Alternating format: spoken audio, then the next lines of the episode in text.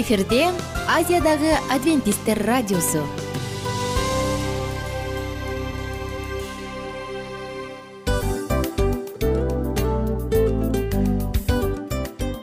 Достор салют. Баардык сүйүктүү угармандарыбызга салам айтабыз. Кутман күнүңүздөр менен. Ден соолук өмүрдүн булагы демекчи саламат саамы программасында баарыңыздарды көргөнүбүзгө абдан кубанычтабыз. Анда алгач амандашып өтөлү арбаңыздар деп. Ден соолугуңуздар кандай элибизде көбүнчө ден соолук кандай дегенде эле жакшы деп жооп беребиз э? ооруп турсак дагы жакшы дейбиз. Анан мен муну айтып ойлойт элем бул абдан сонун сөз депчи анткени бул жакшы деген үмүт да э ооба баары жакшы болот баары сонун. Деп үмүттөнүп атып эле өзүбүздү өзүбүз дарылап коебуз.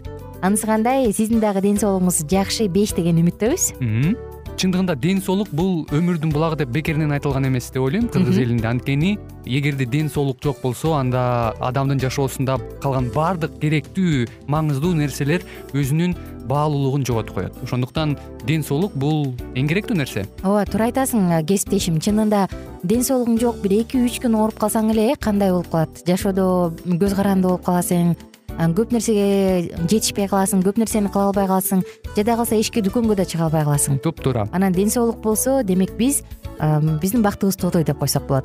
Анда достор саламат саамы рубрикабызды баштайлы. Алдыда өзүңүзгө керектүү болгон сонун кеңештерди уга аласыздар. Мына ошондуктан биз менен бирге болуңуздар. Ал эми биз болсо милан жана айнура. Кеттик алга. Алга саламат саама ден соолуктун жарчысы. Саламат саама ден соолуктун ачкычы. Күн сайын сиз үчүн мыкты кеңештер сонун жаңылыктар кызыктуу фактылар. Биздин рубрикада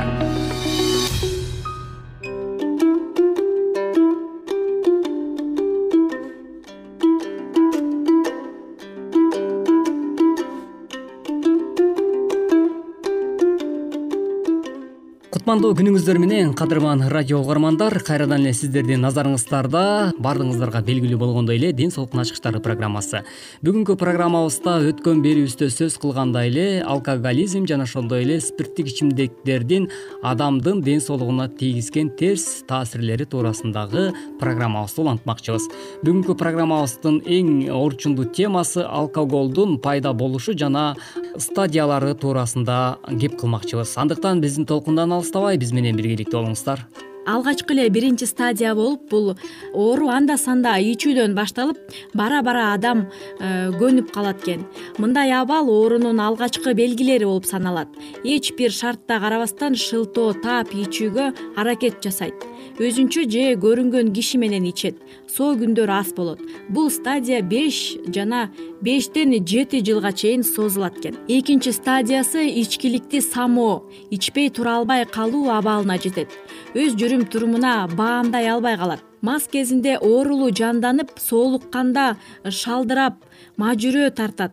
Мас кезинде кылыктарын унутуп калат. Масы тарагандан кийин бир нерсе жетишпегендей туюлат шалдырап алы кетет чыйрыгат кускусу келет кийин ага баш ооруу жана баш айлануу көңүл чөгүү туталануу кошулат мындай абал кайрадан ичкилик ичкенден кийин э, жакшырат.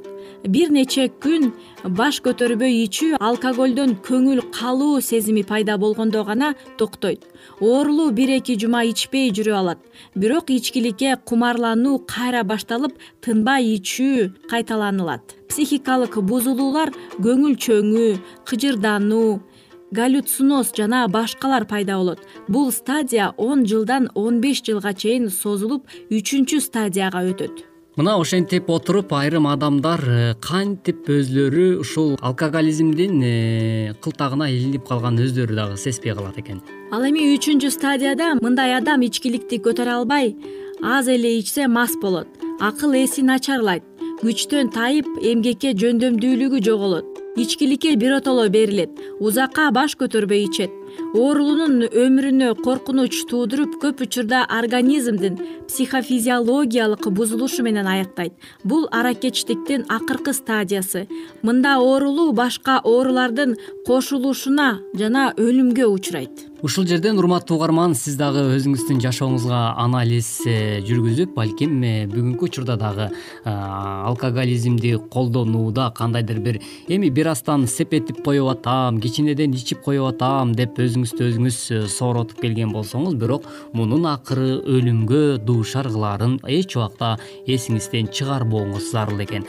Андыктан бул жаатта өзүңүздүн үстүңүздө өзүңүз иштешпесеңиз акыры кеч болуп калышы дагы ыктымал экен алкоголизм өлүмдүн себептери да болушу мүмкүн экен. Аракечтерди өлүмгө учуратуучу себептерде жүрөк кан тамыр системасынын баш көтөрбөй ичүүдөн андан кийин травмалар болот бөөдө кырсыктар иштен чыгышы катуу панкреатит суук тийүү мээнин шишип кетиши катуу кармаган психоз жана башка кирет. Ичкиликтин коом менен келишпестиги анын дерт башынын адаптик этикалык жакырданышын тездетет ал жактан айтып актанууга аргасы жок. Акырындык менен социалдык жакырдануу да келип чыгат. Квалификациясы жоголот иштен куулат үй бүлөдөн ажырайт. Аракечтик үй бүлөнү биротоло бузбаса да анын бөлүндүрүп аны жок эле дегенде эки муундун жашоо турмушуна жана ден соолугуна залалын тийгизет. Укум тукумунан бери ичкилик ичкендерге ичкилик ичпегендерге караганда талма олигофрения өсүү кемтиктери көп жолугат. Албетте чындап эле бул жаатта дагы сөзсүз түрдө өзүбүздүн саламаттыгыбызга кам көрүп жана ушул илдеттен арылуу үчүн э, мунун үстүндө жогоруда айткандай эле өзүбүз жекеме иштешпесек демек бизге эч ким дагы жардам бере албай калышы ыктымал экен. Буга чейинки берүүбүздө дагы биз э, бир нече жолу бөлүшүп өткөнбүз. Э, алкоголизм бул тукум куучулукка дагы алып барышы ыктымал деп мисалга үй бүлөдөгү жагымсыз кырдаал балдардын туура эмес тарбиялашына нерв жана психикалык оорулардын пайда болушуна да алып келет. Өнөкөт аракечтиктин таралышы адептүүлүктү азайтып кылмыштуулукту дагы көбөйтөт экен ооба сөзсүз түрдө мындай үй бүлөдө тарбияланган жаш уландар жана өспүрүмдөр алар э, өсүп э, балакат доордон өтүп э, кадимки чоң адамдардын катарына киргенде алар дагы баягы кандай тарбия алса ал э, жашоосунда дагы ошол нерсени кайрадан кайталайт деп айтпадык белек. Андыктан биздин келечек муунга дагы туура тарбия берүү ар бирибиздин кол алдыбызда экен. Сөзсүз түрдө мындай үй бүлөдө чоңойгон жана ушундай шартта чоңойгон кээ бир балдар жана э, өспүрүмдөр ар кандай криминалдык же болбосо э, көчөдөгү ар кандай уурулукка ар кандай зомбулуктарга дагы катышып калышы толугу менен ыктымал. Эң биринчи эле адамдын организмине алкоголь киргенде эмне болот? Тамактан айырмаланып алкоголь сиңирүүнү талап кылбайт экен. Ал түздөн түз ашказан менен ички ичегиден канга барып сиңет. Кандын айланышы менен алкоголь баардык организмге жана ткандарга кирет да клеткалардагы процесстерди активдүүлүгүн жайлатат экен алкоголдун негизги бөлүгү боордо зыянсыздалат экен. Калгандары бөйрөктө өпкө жана тер менен чыгып кетет. Адамдын организми орточо алганда саатына жети жарымдан он төрт жарымга чейин алкогольду денеден чыгарып турат. Мисалы үч жүз элүү беш миллилитр банкадагы пиводон ошончо алкоголь болот экен ооба чындап эле баягы ачытылган көбүртүлгөн э, ушундай нерселердин составында дагы алкоголдук спирттик ичимдиктердин бир кандайдыр бир деңгээлдеги дозасы бар эмеспи андыктан аракка умтулуунун алгачкы эле себептери мына ушундай суусундуктардан башталат урматтуу угармандарыбыз жогоруда кесиптешим сиздер менен бөлүшүп өткөндөй эле дал ушул биздин социалдык абалыбызга түздөн түз э, терс таасирин тийгизип жаткан бул алкоголизмдин эң чоң бир э, соккусу жана удары десек болот экен. Бул ошол үй бүлөдө э, айрым бир үй бүлөлөрдө ичип жаткан ичкиликке берилип кеткен үй бүлөнүн балдары жана ошол жакта тарбия алып жаткан кичинекей өспүрүмдөр келечекте криминалдык топторго дагы аралашып калышы толугу менен ыктымал экен. Андыктан өзүбүздүн үй бүлө кандай тарбия берип жатабыз муну дагы көзөмөлгө алуу ар бир ата эненин милдети деп э, айтып кеткибиз келет. Урматтуу угармандар ушуну менен бизге бөлүнгөн убактыбыз да өз соңуна келип жетти. Кийинки берүүбүздөн кезиккенче аман болуңуз бар болуңуз саламаттыгыңыз сактыкта боло берсин саламат саама ден соолуктун жарчысы. Саламат саама ден соолуктун ачкычы. Күн сайын сиз үчүн мыкты кеңештер сонун жаңылыктар кызыктуу фактылар биздин рубрикада.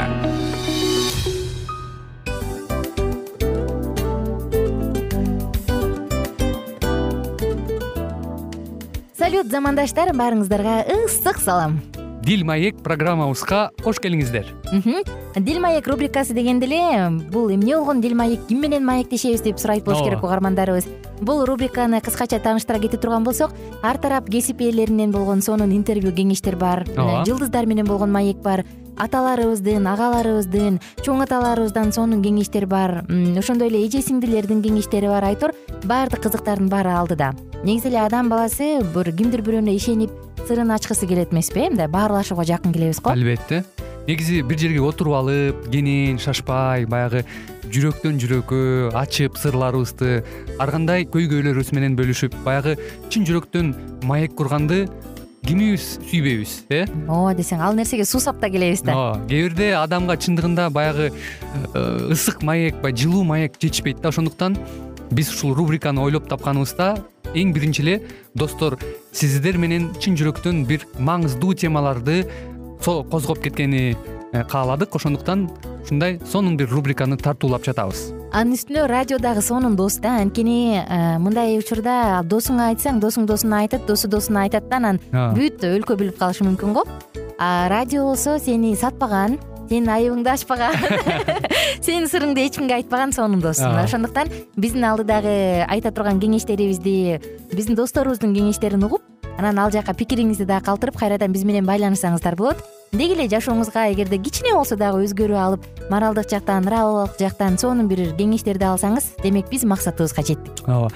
Чыңгыз атабыз улуу жазуучу э, чыңгыз айтматов айткандай адам болуу бул күнүмдүк процесс экен. Күн сайын адам бойдон калуу бул адамзатка эң эле кыйын дейт э? э эң кыйын дейт. Чындыгында бунун э, негизинде адамдын эң баягы сапаттуулугу адамдын э, адамгерчилиги жана көптөгөн керектүү нерселер. Мына ошол темалар дагы бизде ушул дил маекте биз аларды да козгойбуз. Ден соолук жөнүндө да сүйлөшөбүз. Сөзсүз түрдө. Анан милан мырза негизи айтып коюшат го биз көбүнчө эмнени ойлонсок ошол нерсеге карата иш кылабыз го. Ооба. Анан анысы кандай? Балким бул радио баракчада кимдир бирөөнүн оюн текшергенге жардам берет кимдир бирөөнүн жүрөгүн текшергенге жардам берет. Балким кимдир бирөөгө жашоонун маңызын тапканга жардам берер. Айтор кызыктын баары алдыда бул жөн гана кыскача жарнама анда угармандарыбыздын баардыгын кийинки рубрикабызга чакырабыз. Ал эми кызматта маңдайымда отурган кесиптешим милан жана мен айнура. Анда эмесе биз даярдаган терең терең ойлор менен таанышууга кеттик. Алыс алыс баралык анда эмесе достор биз менен бирге болуңуздар. Алдыда эң кызыктуу маалыматтардын баардыгы бир нече мүнөттөр бою жалгыз гана сизге арналат мына ошондуктан жакшы маанай менен угууну каалайбыз. Үн алышканча. Жөнөдүк.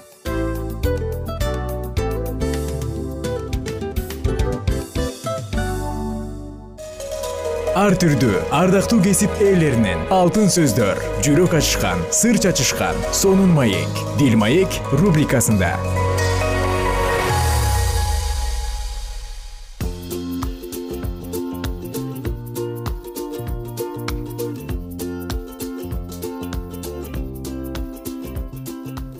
адамдын калп айтып атканын билип койсо болобу. Адамдын калп айтып жатканын билгиңиз келеби? Кызык бекен? Ооба достор бул бүгүнкү биздин темабыз. Баардык угармандарыбызга ысык салам айтабыз дагы дил маек уктуруусуна кучак жазып тосуп алып жаткан мен аку кызматты баштадык. Эмесе бүгүнкү тема адамдын калп айтып жатканын билгиңиз келеби.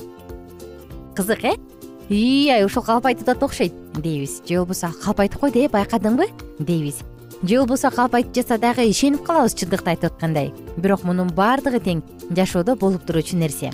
Анда эмесе достор сизди кимдир бирөө алдап кеткиси келип жатабы же жокпу? Чындыкты айтып жатабы же калптыбы мунун баарын билгиңиз келсе алданып калууну каалабасаңыз анда биздин дил маек уктуруубузду угуңуз. Анткени кызыктын баары алдыда. Биз сизге адамдын эмоцияларынан улам калп айтканын же айтпаганын билүүгө үйрөтөбүз адамдын калп айтып жатканын кантип билип койсо болот?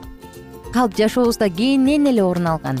Бизде калп айтууга көп нерселер түртүп да коет. Мисалы өзүнүн өмүрүнөн коркуп калп айтуу айталы бирөө кылмыштуу окуяга күбө болуп калды дейли. Ошондой эле адам кокустан шылдың болуп калбайын деп өзүнүн чыныгы оюн айта албай сурап калышса аргасыз калп айтып коет.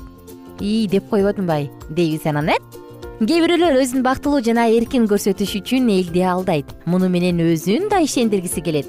Андай калп адамдан чындыктан чечилбеген маселелерден качканга өзүнө жасап алган коргоо тосмосу. Калп айтып жатабы? Аныктайбыз. Эң эле биринчи калп айтуу бул физиологиялык стресс. Андыктан калп айтып жаткан адамда стресске тиешелүү көрүнүштөр кезигет.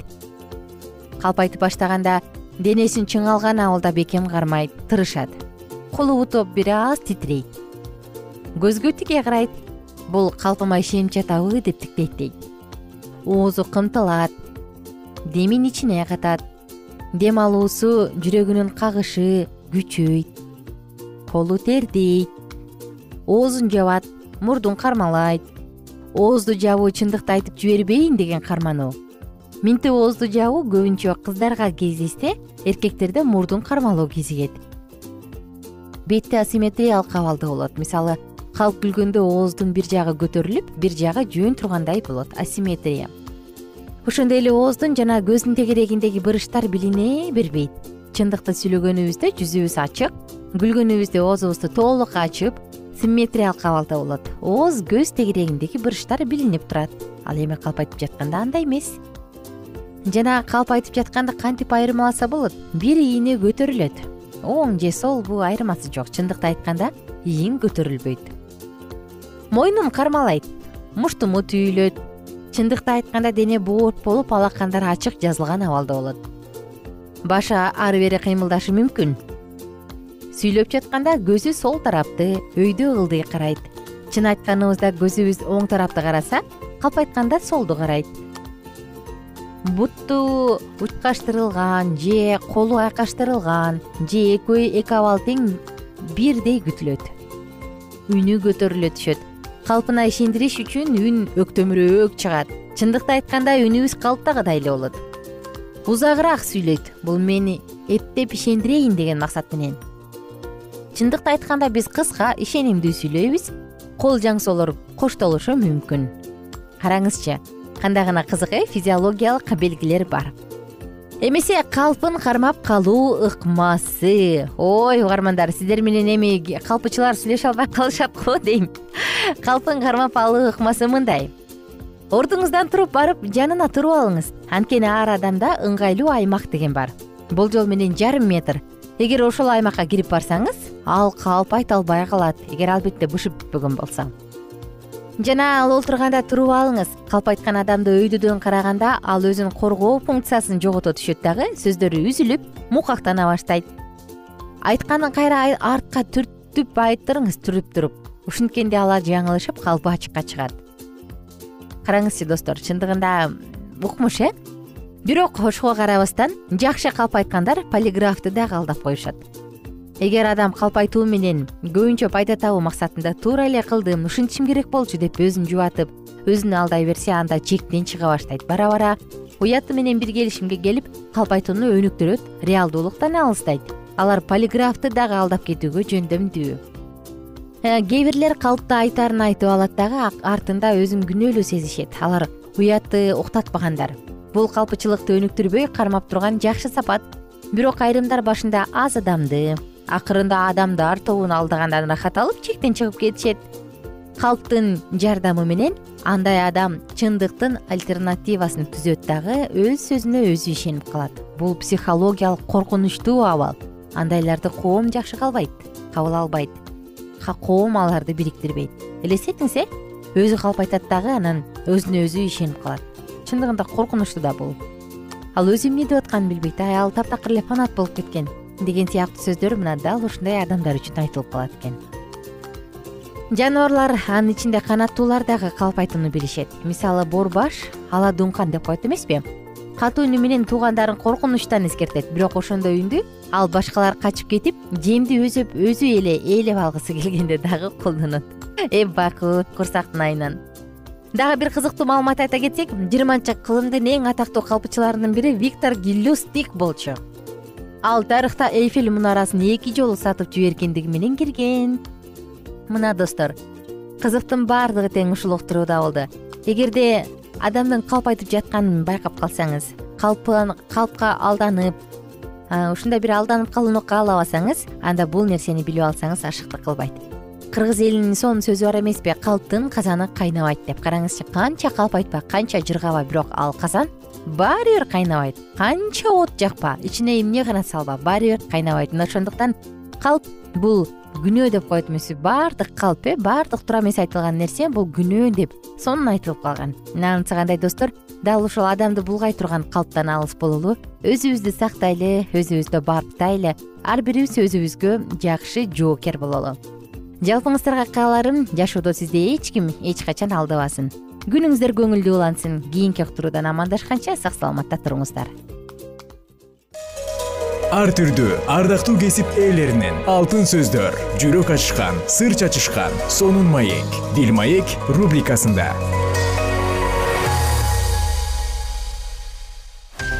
Жан дүйнөңдү байыткан жүрөгүңдү азыктанткан жашооңо маңыз тартуулаган жан азык рубрикасы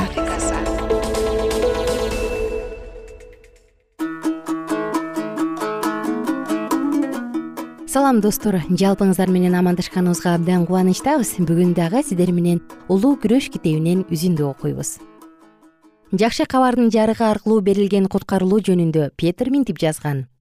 Ушул куткарылууга пайгамбарлардын иликтөөлөрү жана изилдөөлөрү тиешелүү болчу. Силерге дайындалган ырайым жөнүндө машаяктын тарта турган азаптарын жана алардын артында келе жаткан атак даңкты мунун качан жана кайсы убакта боло тургандыгын алардагы машаяктын руху аркылуу изилденип алар алдын ала айтышкан. Асмандан жиберилген ыйык рух аркылуу жакшы кабарды таратуучулардан азыр силерге салтанат менен жарыяланганы алардын өздөрүнө эмес бирок бизге тиешелүү экендиги аларга ачык көрсөтүлгөн болчу. Биринчи петр биринчи бап он он экинчи аяттар.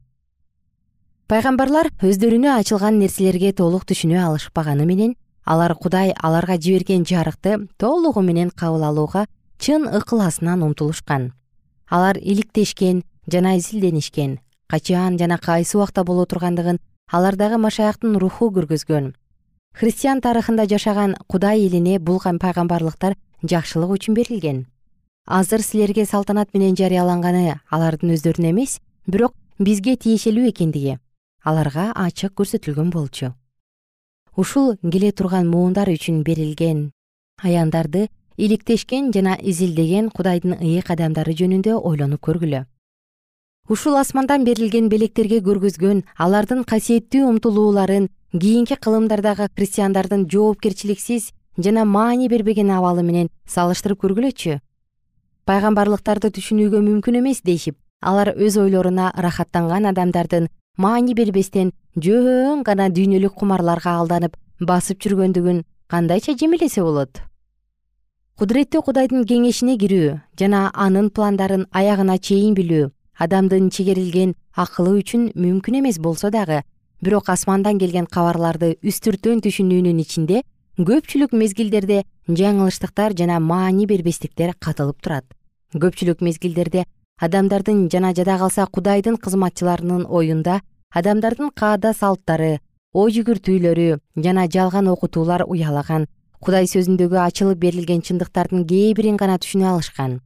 Машаяктын шакирттери дагы качан машаяк алардын жанында болгондо ушундай абалда болупкан. Алардын акылы дагы көпчүлүк адамдар сыяктанып машаяк өз падышалыгын жерге орнотуп израилди бүт жерге ээлик кылат деп ойлошкон. Жана ал аларга алдын ала айткан. Өзүнүн өлүмү жана азап чегүүлөрү жөнүндө сөздөрүн түшүнө алышкан эмес машаяк өзү аларды мындай кабар менен жиберген. Мезгил орундалды жана кудайдын падышалыгы жакындады. Тобо келтирип жана жакшы кабарга ишенгиле. Марк биринчи бап он бешинчи аят. Бул кабар даниил пайгамбардын китебинин тогузунчу бабына негизделген. Периште айткан алтымыш тогуз апта машаяк энеги эге бизге чейин созулуп келген. Жана абдан кубанычтуу үмүт жана тилек менен ыйсанын шакирттери машаякты өз падышалыгын баардык жерди башкаруу үчүн иерусалимге орнотот деп ойлошкон. Өздөрү туура түшүнө албаганы менен алар машаяк аркылуу тапшырылган кабарды насаатташкан. Өз насааттарын алар даниил пайгамбардын китебиндеги тогузунчу бап жыйырма бешинчи аятка негиздешкен. Бирок анын кийинки эле аяты машаяктын өлүмү туурасында айтылгандыгын алар байкалган жок. Алар бала кезинен эле жердеги падышалыктын жыргалчылыктарын эңсешкен. Жана ушул түшүнүктөр аларга бул пайгамбарлыктардын дагы машаяктын сөздөрүнүн дагы өзгөчөлүктөрүн түшүнүүгө жол берген эмес. Алар өз милдеттерин аткарышып иудейлерге сунушталган ырайым жөнүндө насаатташкан бирок алар өз теңиринин дөөт падышанын тактысында отурганын көрүшкөн. Алар машаякты жалганчы катары кармап шылдыңдап өкүм чыгарышканын жана андан кийин голгофада кагып өлтүргөнүнө күбө болушту алардын мырзасы тынчтанып мүрзөдө жатканда шакирттер кандай гана капалыкты баштарынан өткөрүшкөн жок. Машаяк пайгамбарчылыкта көргөзүлгөндөй ошол саатта жана ошол калыбында келген. Ыйык жазуулуунун күбөлөндүрүүлөрү анын жасаган кызматында ар бир нерсесине чейин кынтыксыз орундалган ал куткаруу кабарын насааттады жана анын айткан сөздөрүндө бийлик бар болчу. Анын угуучуларынын айткандары боюнча бул кабар асмандан жиберилген кудай сөзү жана кудай руху ыйса машаяктын жасай турган иштери кудуреттүү экендигин белгилейт. Шакирттер болсо баштагысындай эле өздөрүнүн сүйгөн устатына ишенимдүү эле бирок аларды баары бир түшүнбөстүктөр жана күмөн саноолор кыйнап турду.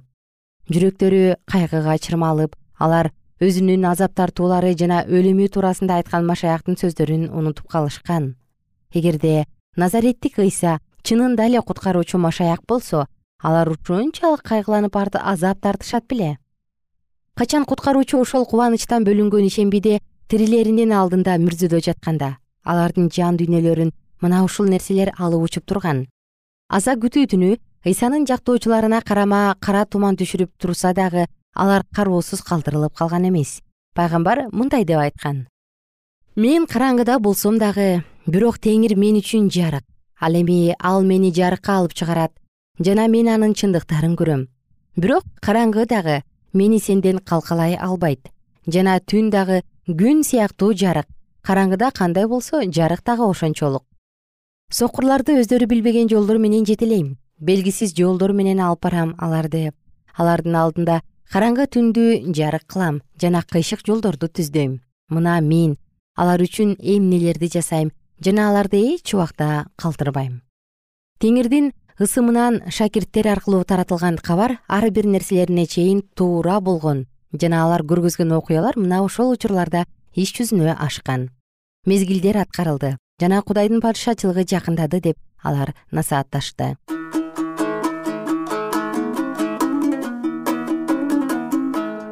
Ардактуу достор сиздер менен бүгүн дагы улуу күрөш китебинен үзүндү окуп өттүк. Жалпыңыздарды кийинки уктурууда күтөбүз кийинки жолу баарыңыздар менен кызыктуу окуяны бирге улантабыз. Эмесе кайрадан амандашканча.